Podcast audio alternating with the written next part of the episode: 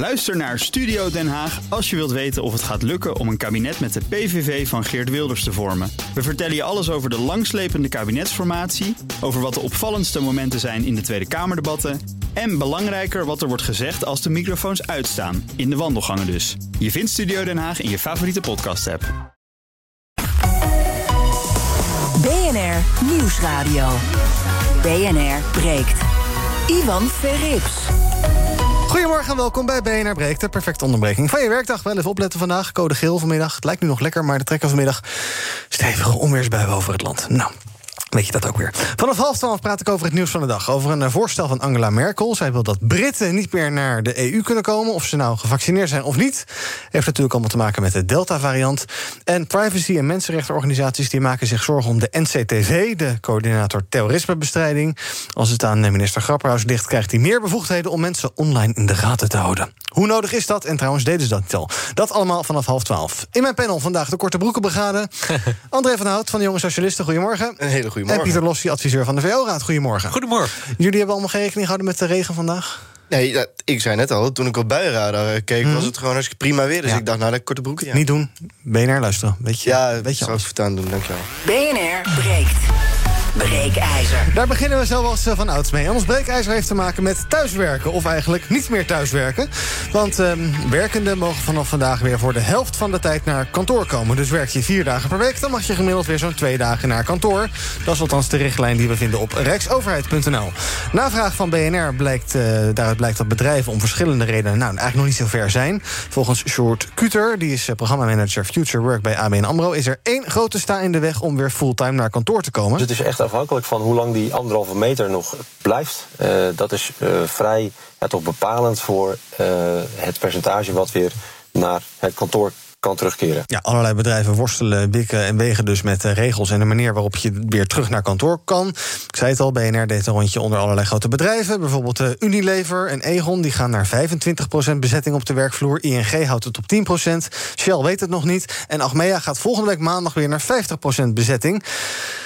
Maar BNR, dat is zo'n club die alleen maar naar werkgevers eh, kijkt... en nooit naar werkenden en werknemers. En dat gaan wij nu eens wel doen. Ons breekijzer is weg met het thuiswerken, leven de kantoortuin. En jij kan meepraten. Pak je telefoon en bel naar 020 468 4x0. Misschien ben je de keukentafel met dat eh, vreselijke gezoom... de hele tijd wel zat en snak je naar de kantoorvloer. Of zeg je, man, man, man, was ik thuis toch rete productief... en ik werkte, werkte niet alleen, alles wat af eh, was moest ook afkomen... en aan het einde van de werkdag ging ook nog eens de was aan de lijnen... waren de boodschappen gedaan en was de hond uitgelaten. Nou, allemaal dat soort dingen. Ons breekijzer dus. Weg met het thuiswerken, leven de kantoortuin. Pak je telefoon, bel 020 468 4x0. Voordat ik aan mijn panelleden ga vragen wat zij ervan denken... praat ik eerst met Jan-Dirk Rijneveld. Die eh, is van de onderneming, zijn eigen onderneming Efficiency Expert... en schrijver van het boek Meer doen in minder tijd. Kijk, dat willen we allemaal. Goedemorgen, Jan-Dirk. Dankjewel. Hoi, goedemorgen. Wat is jouw reactie op ons breekijzer? Weg met het thuiswerken, leven de kantoortuin.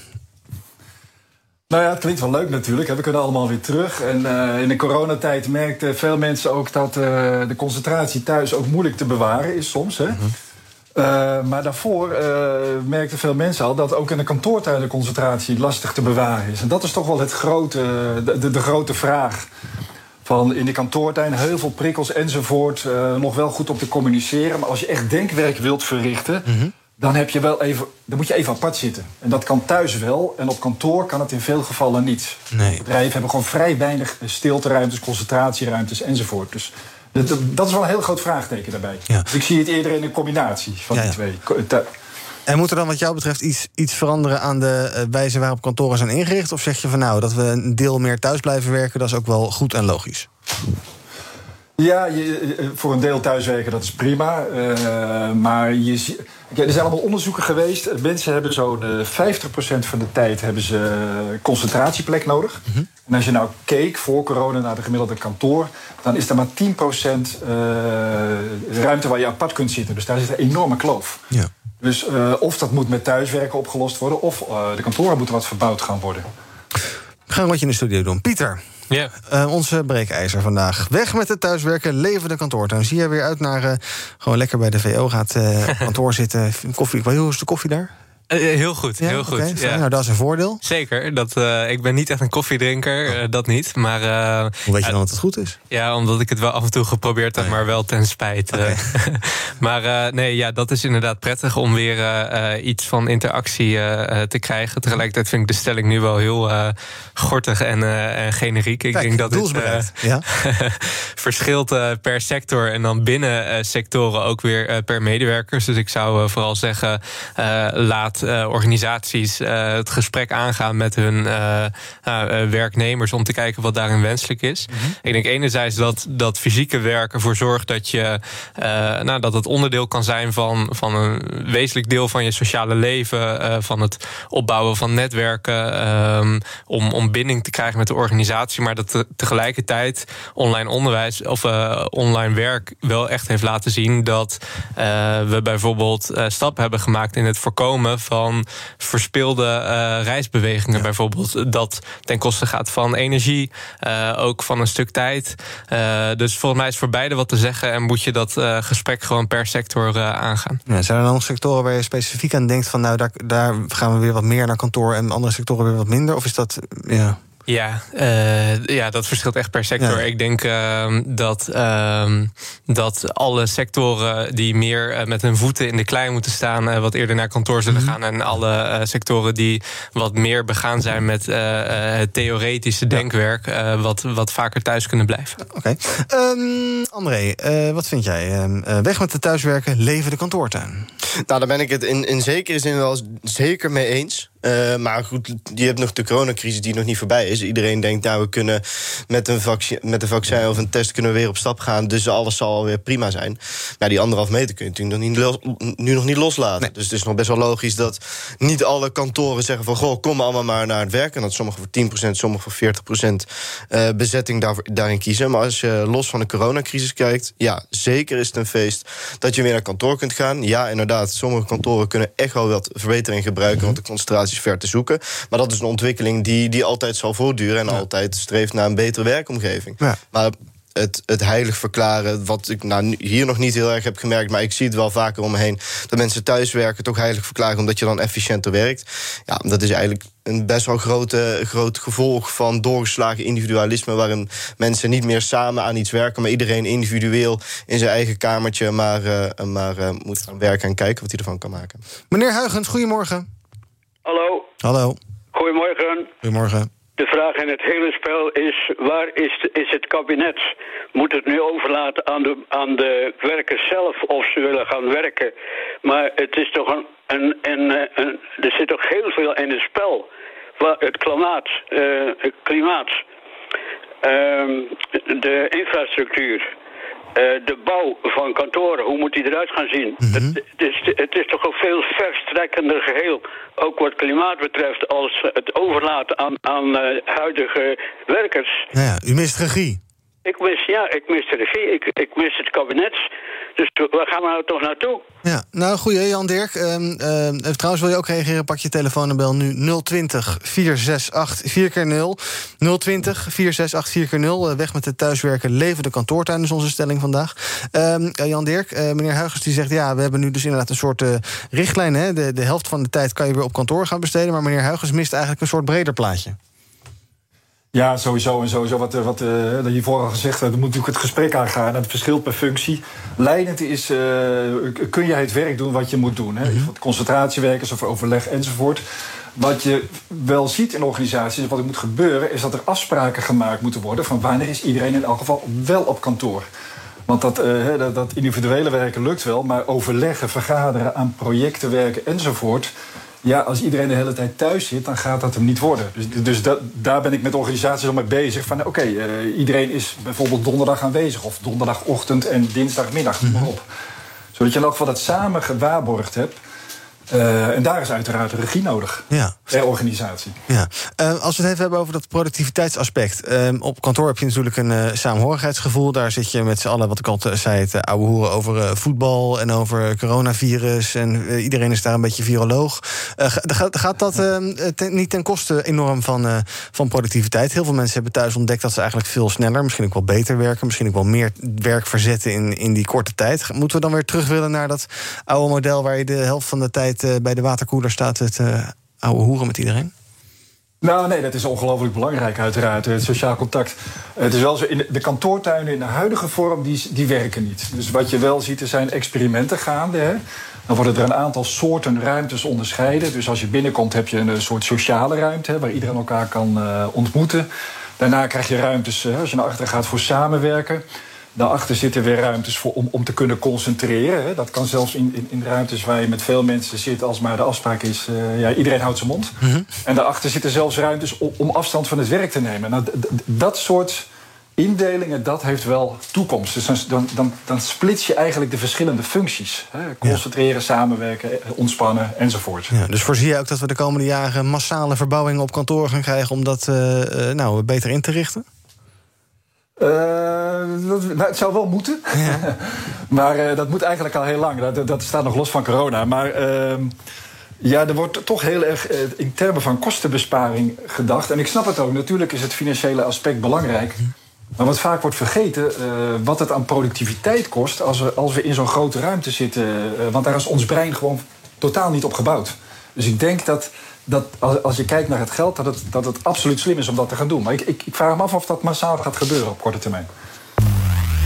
Breekt. Ivan Verrips.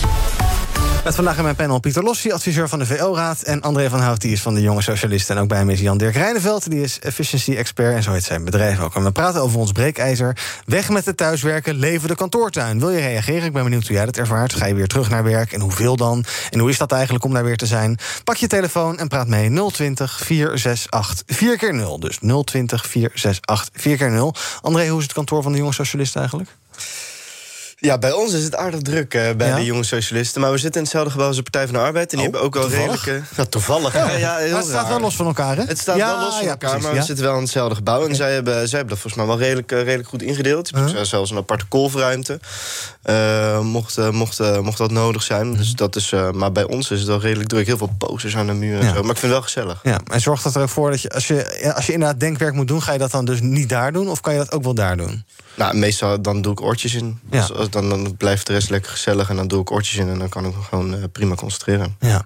Um, Jan Dirk, we hadden het al eventjes over uh, het samenkomen op werk. Uh, laten we het ook even hebben over het, het, reizen naar werk. Dat is ook een issue. Hè? Het kabinet zegt van ja, probeer als je kan buiten de spits te reizen. Um, ik heb het idee, ik ben wel regelmatig rond spitstijden... ook wel op de weg te, zi te zien dat het nog niet heel erg goed gaat daarmee. ik ben ook bang, omdat het natuurlijk toch... In het algemeen zijn de kantoortijden van, uh, van half negen tot vijf of zes uur. Mm -hmm. En uh, ik denk dat dat zo ingebakken zit en ook gewoon praktisch is... Hè, dat we tegelijkertijd ongeveer uh, op kantoor zijn. In vele organisaties in elk geval. Ja. Dus ik zie dat niet zo heel snel gebeuren. Hè. Ze hebben natuurlijk van alles al geprobeerd, ook samenrijden en noem maar op. Dus ik, ik, maar goed, ik, ik denk wel, het, het, thuiswerken zal er meer in blijven. Meer mensen gaan meer thuiswerken. En daar, daar is zeker, uh, dat zal zeker winst opleveren. Ja. ja. Um, um, wat, zijn, wat zijn nou problemen die jij gezien hebt de afgelopen um, maanden... waar mensen met dat thuiswerken tegenaan liepen? Want iedereen kent wel de verhalen over uh, de Zoom-calls... en wegvallende verbindingen en waardeloze microfoontjes met geluiden en dergelijke. Het is natuurlijk ook allemaal... Uh, het werd natuurlijk ook niet zo fraai op allemaal, hè? Nee, nee, nou ja, de, de, de, de geluiden om je heen. Hè. Dus, dus de buurman is aan het verbouwen van het grasmaaien enzovoort. Dat heb je thuis, dat is gewoon niet te beheersen natuurlijk, voor een groot deel. Uh, je ziet ook, uh, ik, ik, kijk heel veel vanuit het brein. Hè, dus we werken op een manier die past bij ons brein. Nou, het schakelen, dat is, dat is uh, de, de, wat veel fout gaat. En in die kantoortuin natuurlijk, met al die prikkels. Maar ook thuis, daar gaan mensen tussen het werk door even een offerte voor zonnepanelen aanvragen. Of ze gaan even met de kinderen aan de slag. Of ze zitten aan de keukentafel. Dus dat schakelen, dat, dat, dat ging heel erg mis. Dus ik, ik zeg altijd, mensen zorgen ervoor dat je een, ja, een aparte werkplek hebt. De, de keukentafel is ongelooflijk gezellig. Maar ja. voor je concentratie is het uh, wat lastiger. Dus ik zeg vaak tegen mensen, ja, maak je huis zo gezellig als je maar wilt. Alleen de werkplek mag een klein beetje saai zijn uh, ja. eigenlijk. Zodat je veel minder afleiding hebt. Ja, liefst ja? En routines, dat is, dat is ook wel. We, zonder dat we het bijna doorhebben soms... hebben we op het kantoor heel veel routines. Hè? Vaste koffiemomenten, je collega vraag je... joh, loop even mee naar de koffieautomaat mm -hmm. enzovoort. Dus thuis mis je dat. Dus, dus ik, ik, ik ben met mensen om die routines alsnog in te stellen. Hè? Dus vaste werkkleding, s'morgens en uh, smiddags doe je die echt letterlijk weer uit... En dan je privékleding aan. Hè? Ja. Of, uh, of zelfs even een rondje fietsen voordat je gaat thuiswerken. Hè? Dat, dat, dat, hebben we ook wel met mensen. En dat werkt echt, hè? dat is ja. heel grappig. Heb jij werkkleding? Jan Dirk, heb jij werkkleding? Ja, ja zeker. Ehm, nou, zel- zelfs al wissel je. eh, al, al, al wissel je s'morgens van kleding en smiddags laat weer, dan, heb- Ja. dan krijgt jouw brein toch een soort, soort eh, boodschap van: oh ja, ik begin met werken en ik eindig met werken. Dat is heel grappig. Wat grappig. Pieter, ik zie in jou een soort, eh, eh, een soort eh, toekomstige ster van de polder. hoe, hoe gaan wij het nou regelen met elkaar dat we niet inderdaad allemaal weer om eh, half acht de auto instappen en dan dus eh, allemaal in diezelfde file staan en dan tegen elkaar zeggen: ja, maar jullie moeten wat minder buiten de spits gaan reizen. Ja, hoe gaan we dit met elkaar afspreken? Los dit probleem eens even op. Ik weet niet eh, of die kwalificatie een compliment is of niet. Maar, eh, Eigenlijk wel zo bedoeld. Oké, nou, Ja. dank eh, daarvoor dan. Ehm, ja, eh go- goede vraag. Ik denk dat eh, eh, je kan natuurlijk je hoop neerleggen bij het kabinet... Mhm. en verwachten dat zij regie gaan eh, voeren hierop. Tegelijkertijd vind ik dit nou echt zo'n onderwerp... waarvan ik zoiets heb van... dit moet je aan een samenleving zelf overlaten... en aan ondernemers en aan werkgevers en aan werknemers... om te kijken wat, wat hier het best werkt. En volgens mij zijn er binnen verschillende organisaties... verschillende projectteams ook al opgericht... om te kijken naar dat toekomstig eh, Eh, en eh, is het denk ik belangrijk om ervoor te zorgen... dat je al die kennis die daar vergaard wordt... dat dat een eh, gezamenlijke plek krijgt. En dat kan bijvoorbeeld een, een SER zijn die al die kennis verzamelt. Maar het meest belangrijk is dus, denk ik, dat ehm, dat, dat een gesprek gaat zijn dat, dat egalitair is tussen ondernemers, werkgevers en werknemers. Waarin er niet alleen geredeneerd gaat worden vanuit bijvoorbeeld het economische kostenplaatje. Eh, maar waarbij er echt gaat gekeken worden naar hoe werk zo prettig en zo ook efficiënt, eh, maar ook eh, plezierig en, en impactvol mogelijk gemaakt kan worden. Ja, maar hoe, hoe zijpelt dat dan door naar gewoon ik als Jan Lul die ergens een contract heeft en werkt? Ik bedoel, je kan nog mooi bedenken hoe dat, hoe dat zou moeten, maar ja, hoe gaat het dan in praktijk? Hoe ga je dat uitwerken? Nou, dan moet je naar je werkgever toestappen. En er zijn natuurlijk ook binnen organisaties verschillende raden, werknemersraden, en werkgeversraden. Ehm, eh, ik denk dat hier ook een rol zou kunnen liggen voor vakbonden. Eh, eh, eh, ook voor een VNO-NCW. Eh, dat je zowel eh, dat gesprek voert op nationaal niveau tussen die maatschappelijke partners en daar bepaalde adviezen uit laat rollen, als dat je binnen de verschillende sectoren en organisaties zelf eh, daar tot een uiteindelijk besluit eh, toekomt. Ja. Ik heb nog een vraag, Jan Dirk. Ja. wat ik, waar, waar we best wel, mm, denk ik, allemaal tegenaan lopen... is dat op kantoor, daar, daar tik je makkelijk iemand even op zijn schouder. Ja, dat mag nu niet, maar bij wijze van spreken. Om een vraagje te stellen, om even te, over iemands rug mee te kijken op een scherm... van, goh, hoe, hoe doe je dat, waarom gaat er iets mis? Dat is natuurlijk van het huis allemaal super ingewikkeld. Eh, we hebben hier bij BNR ook ervaring met eh, redacteuren die thuis werken. Nou, om dat aan te sturen, het is soms echt een crime... want je bent de hele dag aan het slacken, appen, mailen... en bij de een werkt Slack niet, dus die moet Teams gebruiken. En bij de, het is echt een drama soms. Hoe k- kan je daar nou het beste mee omgaan? Ja, daarvoor is toch. eh, de- kijk, het face-to-face contact is wat dat betreft onvervangbaar. Dus dat is, daar, dat, daar heb je toch dat kantoor voor nodig. Het is gewoon eh, vanuit de communicatie veel rijker, hè, zeg maar. Je ziet elkaar echt. Ja, de, de, de zijn, dus voor een deel is het niet helemaal eh, te ondervangen. Eh, wat je ziet is dat mensen appgroepen, teamsgroepen, noem maar op allemaal, enzovoort. Maar. eh, ja, ik wil wel één aantekening daarbij maken. Want als je elkaar continu op de schouders kunt tikken, dat, dat, dan is het ook daar weer van ja, hoe, wanneer heb je tijd om echt even in je werk te duiken? Want je Ja. ziet bij denkwerk. Als je, om een cijfer te geven, bij denkwerk heeft ons brein eh 20 minuten aanlooptijd nodig om echt even de diepte in te komen. En als we elkaar de hele dag eh, op de schouders tikken, wat, wat natuurlijk fijn is, maar dan, dan, dan kom je nooit in die optimale concentratie. Dus dat is wel de andere kant. Dus je kunt bijvoorbeeld, je ziet dat mensen met een, bijvoorbeeld met een stand-up eh, vergadering beginnen s'morgens, hè, gewoon een kwartiertje. Dat komt uit de Scrum, uit de Agile of. Gewoon een kwartiertje even eh, voor de gezelligheid, maar ook even, oké, wat zijn de vragen enzovoort. En aan het eind van de dag ook nog. Eh, of een vaste ma- maatje, hè, waar we ze de vragen kwijt kunnen. Dus continu kijken naar die mix van het sociale en het, en het, eh, en het concentreren. Dat, dat is eigenlijk. En ik, komt dat vanuit de, oh, ik zie toch dat het veel uit vanuit bedrijven komt. Ja. Want Ik kom natuurlijk veel op, op de werkplek. Hele simpele maatregel, om een voorbeeldje te geven, die ik zag bij, ehm, eh, bij een organisatie. Je hebt twee kantoortuinen. Hè? Hele simpele afspraak. Bij die ene houdt iedereen zijn mond. En bij die andere mag iedereen doen wat hij wil. Eh, Tot op zeker, met zekere grenzen uiteraard. Ja. Eh, praten, bellen enzovoort. Het werkt eigenlijk heel erg goed. Ja, dan kies je zelf waar je gaat zitten. Ja, dus ja. Je zei net, ik heb daar een boek over geschreven, meer doen in minder tijd. Er staan nog veel meer van dit soort voorbeelden eigenlijk. er zijn heel veel oplossingen mogelijk. Ja, ik zag ook wel eens, maar dat, dat, dat zag er dan een beetje ludiek uit... dat je bijvoorbeeld uh, verschillende kleuren armbandjes hebt... en als je dan een rood armbandje ja. hebt, dat je dan niet gestoord wil worden. Het, het lijkt een beetje kolderiek. Is dat het ook, of, is de, of, of kan het echt kan, wel... dit soort kan. dingen kunnen wel iets betekenen? Er is een bedrijf in België, dat heet De Chevaux. Die werken met lampjes boven bureaus. Ja. Ze hebben, ze hebben als organisatie hebben ze twee uur lang, geloof het of niet, hebben ze uh, stiltetijd, hè, elkaar ja. niet storen. Na vijf uur wordt er niet meer gemaild, geappt enzovoort. En je, hebt, je mag ook nog zeggen, als je, dan kan je aan een koordje trekken van het lampje boven je bureau. En dan heb je twintig minuten ad hoc uh, ongestoorde tijd. Het bedrijf draait als een tierenlier. Mensen zijn heel tevreden, geen burn-out gevallen. Het werkt echt. Ja. Um, tot, tot, slot van het half uurtje. Denk jij uh, dat, uh, dat, dat de, de werkplek. Ik, ik, zat voor de grap nog eens laatst in mijn contract te kijken. En daar staat dan in. Uh, het werk wordt verricht vanuit Amsterdam. Dus ik heb een soort van recht om in Amsterdam te werken, bij wijze van spreken. Um, wordt, wordt de locatie waar je werkt, wordt dat in de toekomst belangrijker? Um, bijvoorbeeld in contractbesprekingen, maar ook waar je gaat werken. Dat er misschien mensen zijn die denken van nou ja, ik ga lekker in de zorg werken, want dan moet ik naar dat ziekenhuis toe. Of ik ga lekker in het onderwijs werken, want dan moet ik voor de klas staan. is, wordt, wordt de locatie waar je werkt, wordt dat belangrijker in de toekomst? Of is dit iets waar we binnenkort weer helemaal aan gewend zijn en klaar mee zijn?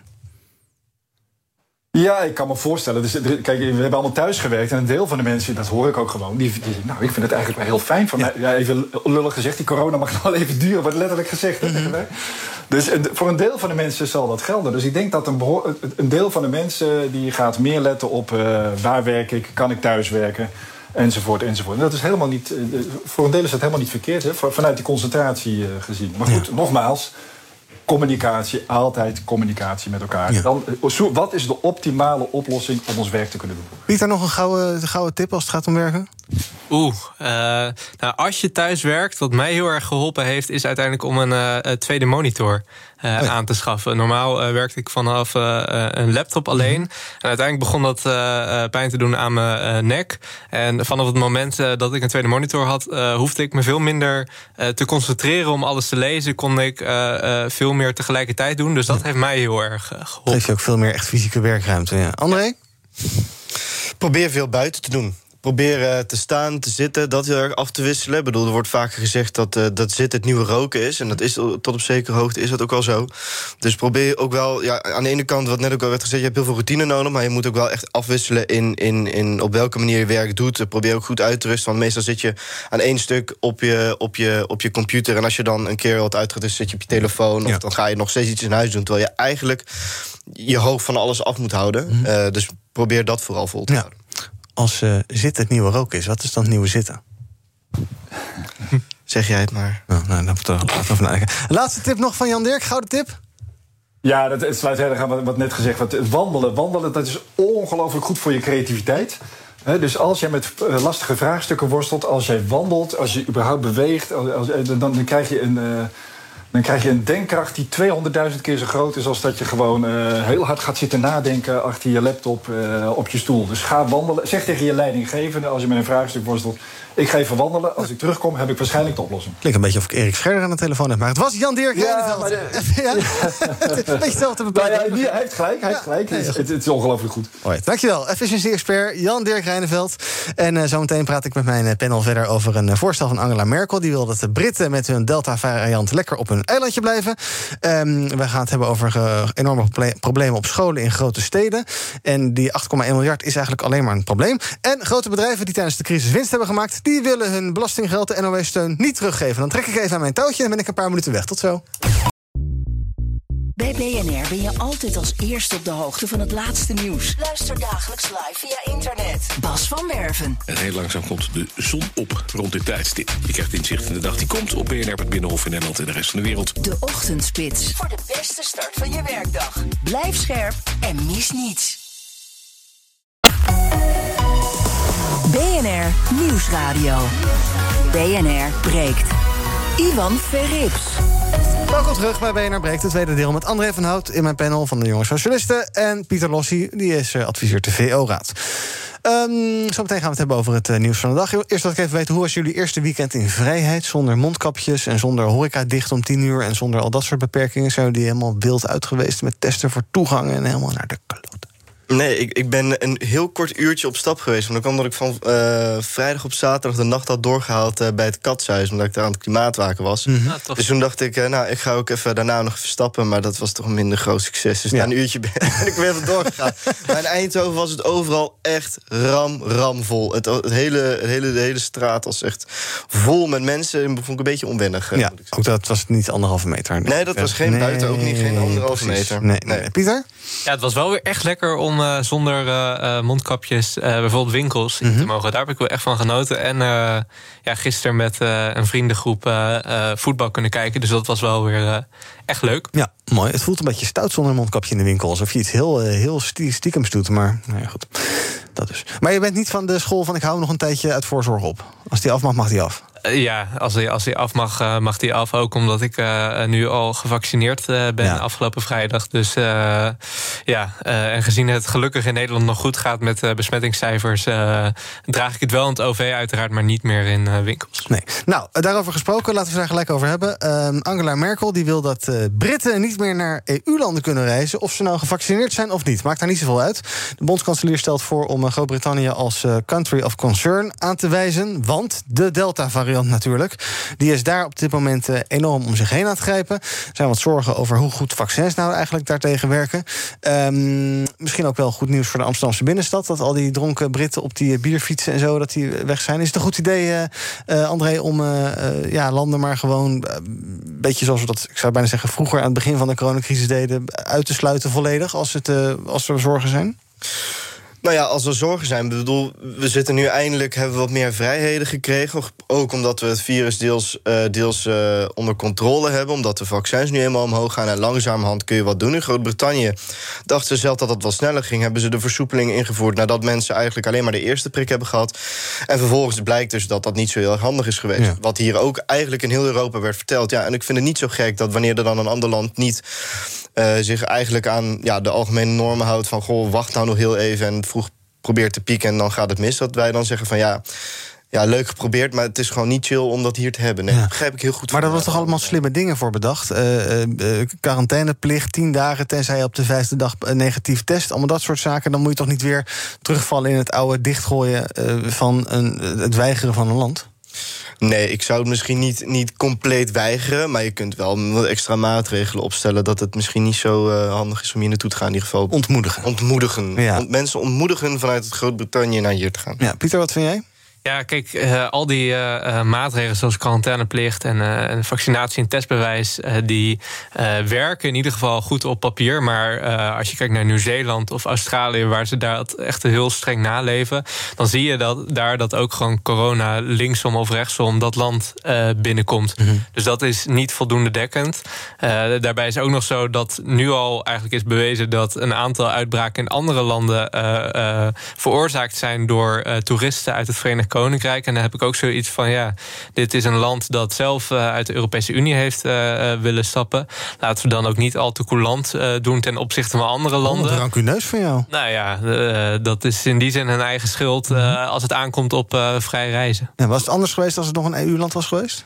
Ja, ik denk dat je dan wel. ehm, eh, je hebt natuurlijk het eh, Schengen-verdrag. Je hebt eh, natuurlijk wet en regelgeving rondom eh, gewoon de Europese Unie.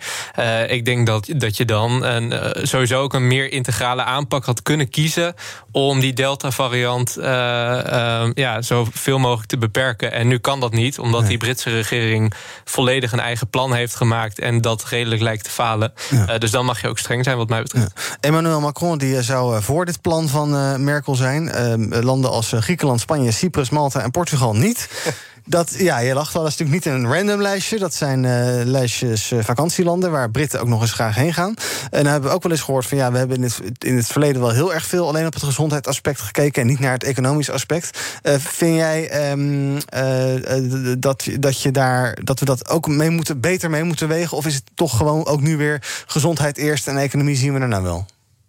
Nou, gezondheid, gezondheid gaat nog steeds het staat nog steeds op één. En sterker nog, dat is in principe ook gewoon een economisch aspect dat je aan het meenemen bent. Want als er allemaal uh, Britten naar, naar Spanje en Griekenland, Cyprus en noem maar op allemaal gaan, die uh, vervolgens besmet zijn met, uh, met de Delta-variant. En het komt de rest van Europa. En dan moet je nog maar eens kijken wat de economische schade is als je nog weer een lockdown ingaat, omdat het niet meer te houden is, omdat je te vroeg gaat pieken. Dus dat, dat lijkt me niet. Dat, ja, vind ja, het lijkt me niet dat je daar zeg maar, het eerste economische belang voor het lange termijn economische belang moet, moet zetten. Maar ik, ik begrijp niet helemaal waarom. Je stelde net dat, uh, dat we strenger moeten zijn op Groot-Brittannië omdat ze niet in de EU zitten. Die snap ik niet helemaal. Misschien ja. Nou, kijk, uh, vanuit de Europese Unie is natuurlijk gewerkt aan uh, wet en regelgeving uh, rondom bijvoorbeeld zo'n coronapaspoort. komen ministers bijeen om, laten we zeggen, als continent, een groot deel van het continent Europa na te denken over hoe je bijvoorbeeld die toestroom aan Delta-variant coronavirus kan voorkomen. Op het moment dat nu een land heeft gezegd, namelijk het Verenigd Koninkrijk, wij stappen weg van jullie eenheid, wij gaan niet nadenken of in mindere mate nadenken over die integrale aanpak, bijvoorbeeld rondom die Delta-variant. Uh, ondertussen ja, hebben ze falend overheidsbeleid rondom die nieuwe Delta-variant. Ja, dan vind ik het vrij logisch dat je zegt, mede ook om weer nieuwe mutaties te voorkomen, dan zijn we strenger tegen zo'n land dan we bijvoorbeeld zouden zijn tegen een België. Ja, nou, dat, ik, ja, ik, ik zie daar zelf niet helemaal de lijn in, van in. Want in principe, als je uit de EU stapt, dan stap je uit de organisatie. Dan zit je dus niet meer in die, in die samenwerking. Ja, is ook heel logisch dat je niet aanschuift. Maar dan is het toch heel raar om dan meteen met een vingertje te wijzen dat een logische stap is gezet vanuit Groot-Brittannië. Het is ook nooit te sprake gekomen dat ze daar wel bij zouden zitten. Want de Oekraïne zit er ook niet bij. En stel dat het daar uh, het is toch een Europees land. Je hebt toch een bepaalde eenheid, één continent dat je gezond ja. moet houden. Dan is het toch wel logisch. Maar je hebt natuurlijk wel minder controle. Met de EU heb je meer, daar doe je ook dingen samen. Ja, we doen nu minder dingen samen. ook samen met Groot-Brittannië, los ja. van of ze bij de EU zitten. Ik bedoel, we werken ook samen met een Zwitserland en Noorwegen. Die zitten ook niet bij de Europese Dus voor jou maakt het niet zoveel uit of het nou uh, een. Nee, ik vind dat principe vraag dat ze wel of niet bij dezelfde organisatie vinden, vind ik een beetje. Laten we nog even hebben over die Delta-variant. Uh, baart jullie zorgen? We hebben al van het RIVM gehoord dat zij verwachten dat ik geloof eind augustus of iets dergelijks, dat ook in Nederland het grootste deel allemaal Delta is. Um, wat ik zei, we weten dat vaccins, althans, er is nog wat onduidelijkheid over, maar dat die wat minder goed wellicht werken tegen Delta. Zijn we nu hier hartstikke blij met mondkapjes en testen voor toegang en het idee dat we in een soort uh, nieuwe vrijheid leven en dat we over um, een maandje of tweeënhalf de token weer kunnen dichtgooien? Ja, dat kan, dat is niet te voorspellen. Tegelijkertijd ook als je gaat kijken naar de uh, cijfers in enerzijds Verenigd Koninkrijk, ook Israël, waar die Delta-variant is gekomen. Dan zie je, als je kijkt naar het dodenaantal, dat dat ontzettend laag is. Mm. Dat dat in het Verenigd Koninkrijk, ik geloof, op tien mensen, helaas, maar per dag zit. Ja. Maar dat is echt een stuk lager dan een paar maanden geleden.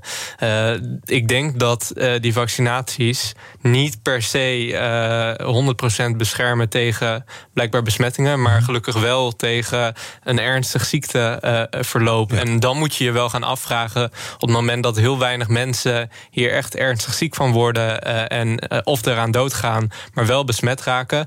Hoe wegen we dat dan ten opzichte van de situatie hiervoor, waarin wel meer mensen ernstig ziek waren? En dan zou ik zeggen dat je ook meer die maatschappelijke, sociale, economische belangen moet prevaleren. Ja, dus als inderdaad er blijkt, de Delta-variant is inderdaad besmettelijker en er worden heel veel mensen een beetje verkouden van, een beetje grieperig en een beetje koortsig, maar verder er komt er niemand in het ziekenhuis en niemand op de IC. Uh, ben je het er maar eens, André, dat we dan misschien ook dat een beetje een soort van voor lief moeten nemen?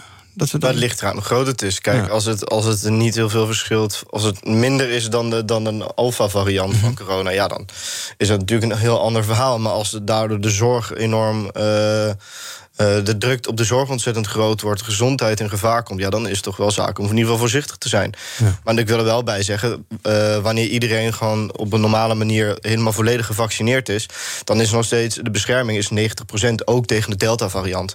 Dus dan heb je niet zoveel zorgen om te maken. Bij Groot-Brittannië zie je dat vooral al lag dat iedereen één vaccin heeft gehad, maar nog niet volledig was gevaccineerd. BNR breekt. We gaan even naar Thomas van Zel van Zaken doen. Die komt zo meteen met de Zeta-variant van dit programma Zaken doen. Wat ga jij doen uh, vanaf 12 uur? Praten met Hans Geels, de directeur van Dille en Camille. Ook Dille en Camille, de winkel voor uh, huis, tuin- en keukenspullen. Met alle respect uitgesproken moest natuurlijk ook de deuren grotendeels sluiten de afgelopen periode. Maar heeft wel een recordomzet geboekt. Ik ga met de eigenaar, nee niet de eigenaar, de directeur op zoek naar de verklaringen daarvoor. En de vraag of het nog zinvol is om meer winkels te openen. Of heeft dat online succes toch de ogen op een andere manier geopend? Dat komt ter sprake. De algemeen directeur van de jaarbeurs in Utrecht is de gast. Daar hebben ze natuurlijk heel lang uitgekeken naar het moment dat er van alles weer kon. Er worden nu toch ook echt weer serieuze evenementen georganiseerd. Staan mensen te popelen? Zijn ze terughoudend? Hoe zit het met testen voor toegang? Heeft dat een lang leven of wat hem betreft zo kort mogelijk? Het economenpanel is er ook nog. Kees de Kort is er en dan ben ik vast nog van alles vergeten. En dat is dan weer een goede reden om gewoon van top tot teen, van start tot finish te luisteren. Nee, je moet er niet alles weggeven. Oké, okay, Nee, zo meteen. tease, 12 tease, uur. tease. Zaken, weer over, eh, zaken doen over hoeveel? 14 minuutjes plus 2. Plus, ah, zoiets. Nou, zoiets. Ja, dag. BNR breekt. Ander nieuws van vandaag heeft te maken met de NCTV... de Nationaal Coördinator Terrorismebestrijding en Veiligheid. Er is eh, flinke kritiek op een wetsvoorstel van minister Grapperhaus... die regelt dat ja, die NCTV meer rechten krijgt... dat die eh, meer mensen mag gaan volgen, ook binnenlands. Verschillende privacyorganisaties en Amnesty International... noemen dat voorstel heftig en omstreden. Ehm, en er was een tijdje geleden was het ook wel in het nieuws, begin april... toen bleek dat die NCTV mensen volgde via ja, een beetje spookaccounts. Luister toen even mee naar wat ons gewaardeerde panelist... Sander van der Kraan erover zei in deze uitzending begin april. De NRC berichtte inderdaad dat er ehm, ja, onwetmatig gemonitord wordt door het NCTV. Dat is helemaal niet hun taak. Zij moeten gewoon eens in de of ja, drie keer per jaar of zo een verslag uitbrengen over de terreurdreiging in Nederland. Ehm, en dat zij dus inderdaad organisaties en activisten volgen met nepaccounts, virtuele agenten, een soort van. En eh, een van die nepaccounts, dat was onder de, de, de, het pseudoniem Harry van Duinen. Ja. En ik kreeg eh, zaterdagavond eh, ineens een berichtje van iemand die bij Broodsprijs zat. Die, die, die stuurde mij opeens van... hey, ik zat het journaal te kijken en daar scrollden ze door de gevolgden, zeg maar, van eh, Harry van Duinen heen. En daar stond broodbuis tussen. Ja, broodbuis is een beetje een linkse Twitter-collectief. En dat wordt dus in de gaten gehouden via dat spookaccount van de NCTV. Ehm en uh, Grapperhaus wil het nu gaan uh, ja, formeel gaan regelen in de wet, dat dat kan. Dus we krijgen er een beetje een dienst bij die... Uh, Misschien jullie wel in de gaten gaat houden. Ja, dus ja, linkse, linkse, vooral linkse mensen zouden ze ook in de gaten houden. Heel gevaarlijk wat hier gebeurt. Ja, nou, de scheidslijn tussen, tussen wat je terrorisme be, uh, benoemt en burgerspionage, mm -hmm. wat, wat het ook kan, uh, waar het toe kan leiden, die is best wel dun. Want het is natuurlijk heel. Terrorisme is iets van de afgelopen, ja, pakweg 15 jaar, wat, uh, wat pas echt onderzocht wordt en waar we wat van weten. dus als je daar niet mee oppast, dan, dan leidt dat tot een soort burger, burgerspionage-instituut. Ja. Nou, ik, zou, als, ik, als ik het zo zeg, als dit in Rusland nu door, door het Kremlin zou worden mm -hmm. aangenomen. Uh, zo snel met zoveel spoed, zonder heel veel persberichten. Wat ja. ook Amnesty International zeiden, zouden hier de krantenkoppen zouden volstaan met omstreden wet voor ja. burgerspionage door Kremlin of ja. door Poetin ingediend. Vijf en hier dagen is een inspraak maar, geloof ik. En, ja. vijf dagen inspraak maar, terwijl het normaal vier weken is voor zo'n verregaand iets.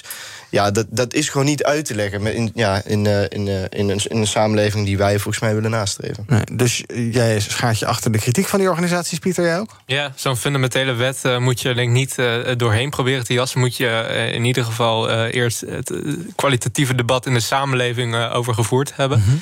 En daarbij ook uh, valt het voor mij het patroon van, van de huidige bestuurscultuur die we hekelen. Waarin we bijvoorbeeld in die toeslagenaffaire zagen dat uh, het grootste onderliggende probleem eigenlijk was dat de overheid eerder uh, burgers wantrouwde dan vertrouwde. En dit is volgens mij zo'n wet waarbij ook de NCTV mensen mag volgen online. ook als er nul verdenkingen zijn. En volgens mij is dat niet ja, een goede houding hoe je als overheid tegen je burgers uh, moet staan. Nee, dus uh, misschien voorlopig maar niet willen. En anders in ieder geval heel goed debat over voeren in alle openbaarheid. En niet er doorheen proberen te uh, afraffelen zo'n wet. We gaan een rondje eigen nieuws doen. Kijken wat jullie opviel in de media. André, jij, jij wilde het hebben over een bericht van de NOS, geloof ik, van vanochtend. over bedrijven die NOW-steun hebben gehad. maar die tijdens de crisis toch winst hebben gemaakt. Dus waarbij de, ja, de corona-ellende misschien een beetje meeviel, gelukkig. Die willen hun NOW-steun niet terugbetalen. NOS heeft een rondje gedaan, een beetje naar aanleiding van Booking.com. Er was zoveel ophef omdat er toch allerlei bonussen zijn uitgekeerd. Um, ja, die bedrijven hebben, andere bedrijven zeggen dus vooralsnog... nou, dat gaan we niet doen, we gaan het niet terugbetalen. Uh, is toch wel terecht, want ja, NOW-steun is een gift. Um, het is waarschijnlijk rechtmatig geweest. Nou ja, dan moet je het maar houden, denk ik. En maar los van of iets rechtmatig is... Uh, je kunt ook even kijken naar het rechtvaardigheidsstuk. Mm -hmm. Het is toch zo, ik, ik kan hier echt heel erg boos om worden. Dat is een regelrechte schande. Dat ik eerder dit jaar op de televisie een vrouw bij, eh, bij ik weet niet of het op één of bij de vooravond zag, die huilend aan tafel zei dat zij haar stofzuiger moest laten controleren om eventueel daar geld voor te vangen, zodat ze een nieuwe stofzuiger kon kopen. En dat we 49 miljoen aan, aan een groot bedrijf als DAF geven en die vervolgens meer dan een half miljard vanuit het moederbedrijf gaat uitkeren aan dividenden aan de aandeel, aandeelhouders. Tuurlijk moet je effectief economisch beleid voeren, maar je kunt er niet verkopen dat je 49 miljoen aan belastinggeld krijgt, wat ook had kunnen gaan naar, eh, naar de onderkant van de samenleving om hen een boost te geven, om vervolgens meer dan een half miljard aan eh, rijke aandeelhouders te betalen. Ja, aandeelhouders in het buitenland ook nog eens, omdat aandeelhouders in Nederland, daar mocht je geloof ik niet in uitbetalen. Dus Daar er je allerlei trucjes werden er bedacht. Nou, daar werden de- nou, allerlei trucjes. Er is geen trucje bedacht. De overheid heeft, eh, de regering heeft overwogen om een regeling te treffen dat het niet naar internationale aandeelhouders mocht gaan. Maar door een sterke lobby, zoals dat dan heet, van, van grote bedrijven, is dat vervolgens niet doorgegaan. Ja, dit, dit, dit is gewoon doordrenkt van, ja, ik weet niet of ik het corruptie kan noemen, maar het is idioot dat grote bedrijven zoveel geld krijgen, daar ook gewoon de lobbyruimte voor hebben, Ja. en er vervolgens niks mee gebeurt. Ja, en die bedrijven zullen zeggen, ja, maar met dat geld hebben wij die mensen aan het werk gehouden. Maar dat vind je ook een lulverhaal dus. Dat is echt zo'n groot lulverhaal. Als je meer dan een half miljard kunt uitkeren aan je aandeelhouders... dan had je ook eh, je werknemers zelf eh, in dienst kunnen houden. Ik, tuurlijk, ik, ik vind het niet erg dat die NOW-regeling er is geweest. Tuurlijk, als de- zij die 49 miljoen euro nodig hadden...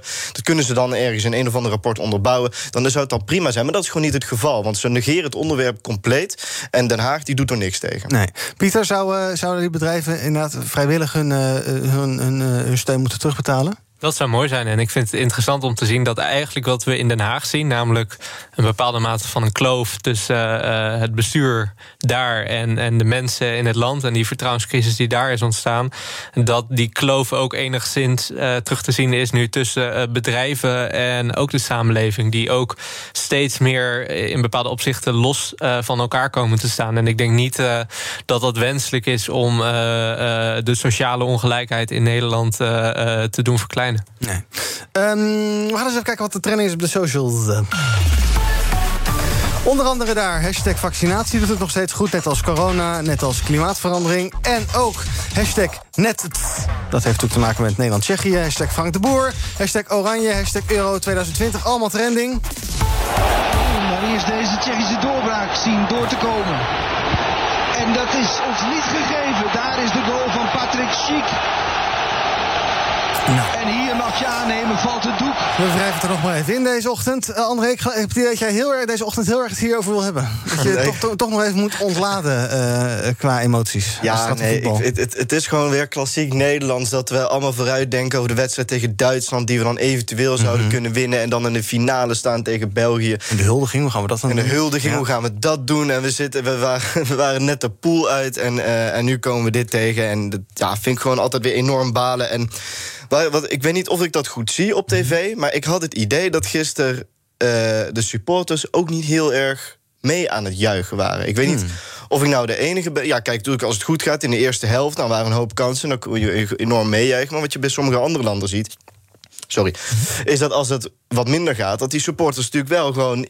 Al Ja, die spelers boel het- oppeppen. de boel oppeppen, Ja. schouders eronder. We gaan weer in de aanval. We zijn met tien man, maar we komen op. We zijn Nederland, de oranje voetbal. We kunnen er tegenaan. Dat is, volgens, ik zag dat in het stadion helemaal niet gebeuren. Ik weet niet of dat aan de camera's lag. Is dat een beetje verwendheid of zo? Of, eh, Ik, het is een beetje, volgens mij is dat een arrogantie? beetje arrogantie Ah. en verwendheid van... oh, het gaat even slecht, dus wat is het toch weer allemaal kut. Ja. kom nou, het, het gaat wel eens vaker mis. Schouders eronder, doorzetten en die goal maken. Ja, Pieter, als eh, bondscoach zijnde, wat is eh, jouw analyse?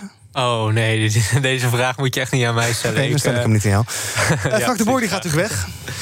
Toch? Weet ik niet. Zal toch wel moeten. En ligt dat aan hem? Louter aan hem? Wie gaat het stokje overnemen als die weggaat? Ik, zou, ik heb geen idee. Nee, ook niet. Oké. Maar ben je, ben, je, nu een beetje afgekoeld? Ik ben een beetje af. ja, dit moest er even uit. Oké. Laten we het dan nog even hebben tot slot over het lerarentekort. Dat meldt het AD. Eh, Scholen in grote steden die staan op omvallen. Er zijn te weinig leraren. En eh, ehm, eh, ja, de conciërge kan natuurlijk niet elke leraar vervangen. In Almere staan de meeste scholen aan de rand van de afgrond. En wat wel opvallend was uit dat verhaal uit het AD... het is een oproep van de onderwijswethouders van de drie grote steden. Die zeggen, ja, er komt een pakket aan... waarmee in een paar jaar corona-achterstanden moeten worden ingelopen. Maar eigenlijk helpt dat pakket ons niet... want dat zorgt ervoor dat eh, scholen buiten de grote steden... die kunnen leraren aantrekken, maar die komen uit de grote steden... waardoor die scholen in de grote steden problemen hebben. Ja. Wat gaat hier fout, Pieter? Uh, veel. Uh, sowieso is dit uh, al veel langer een probleem. en wat je ziet bij dit probleem specifiek, is dat het lerarentekort met name toeslaat op plekken waar en omgevingen waar al een bepaalde mate van kansarmheid heerst. Het zijn vaak de, de wijken die sociaal-economisch minder vergevorderd zijn, waar dit lerarentekort zowel kwalitatief als kwantitatief plaatsvindt. Dus dat doet echt ontzettend veel ja, voor de kansengelijkheid in het mhm. onderwijs. Juist voor die kinderen. En ja, ik vind het best wel schokkend dat in zo'n rijk land als dit land, Nederland, dat het ons blijkbaar niet lukt om het meest optimale onderwijs voor, voor de jongste generatie te verzorgen. En wat je inderdaad ziet met dat Nationaal Programma Onderwijs, die 8,5 miljard voor de hele onderwijssector die vrijgemaakt is, is dat dat echt incidentele gelden zijn die ook in grote mate worden uitgegeven aan externe eh, partijen aan ZZP'ers bijvoorbeeld. Terwijl uh, het lerarentekort is echt een, een, een duurzaam, langetermijn, uh, niet incidenteel, structureel probleem. Mm en je gaat zo'n structureel probleem niet kunnen oplossen, inderdaad, met, met incidentele middelen. En dus is het echt belangrijk dat een volgend kabinet ook gaat kijken naar het woningtekort, ook naar klimaatcrisis, ook naar gezondheidszorg. Maar ook echt om al die andere belangrijke facetten in deze samenleving voor in de toekomst te garanderen. Kijken naar hoe die onderwijscrisis zoveel mogelijk uh, voorkomen kan worden. En dat vereist investeringen. En deel jij ook de, de, de analyse dat die 8,5 miljard op sommige plekken ook averechts werkt?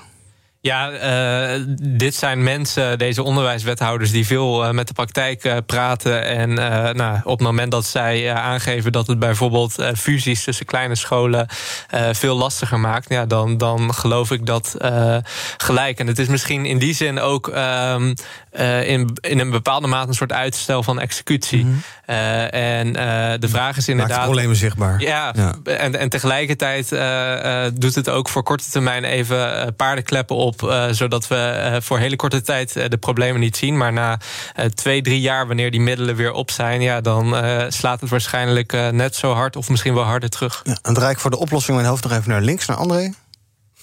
Voor de oplossing, nou, dat is al, zoals net al gezegd, het, is zo lang al bekend dat de tekorten in het onderwijs enorm zijn en alleen maar nog maar gaan oplopen, volgens mij. Ja, dat, dat het bizar is dat hier nog geen, überhaupt geen noodplan is bedacht. Wethouders geven structureel aan, niet alleen bij de grote steden, ook in heel veel andere gemeenten. Uh, schoolbestuurders geven aan dat de situatie onhoudbaar is. En je ziet vanuit, uh, vanuit het landelijke uh, in Den Haag, zie je, je ziet wel wat, wat bewegingen en er worden inderdaad incidenteel worden er wat investeringen gedaan.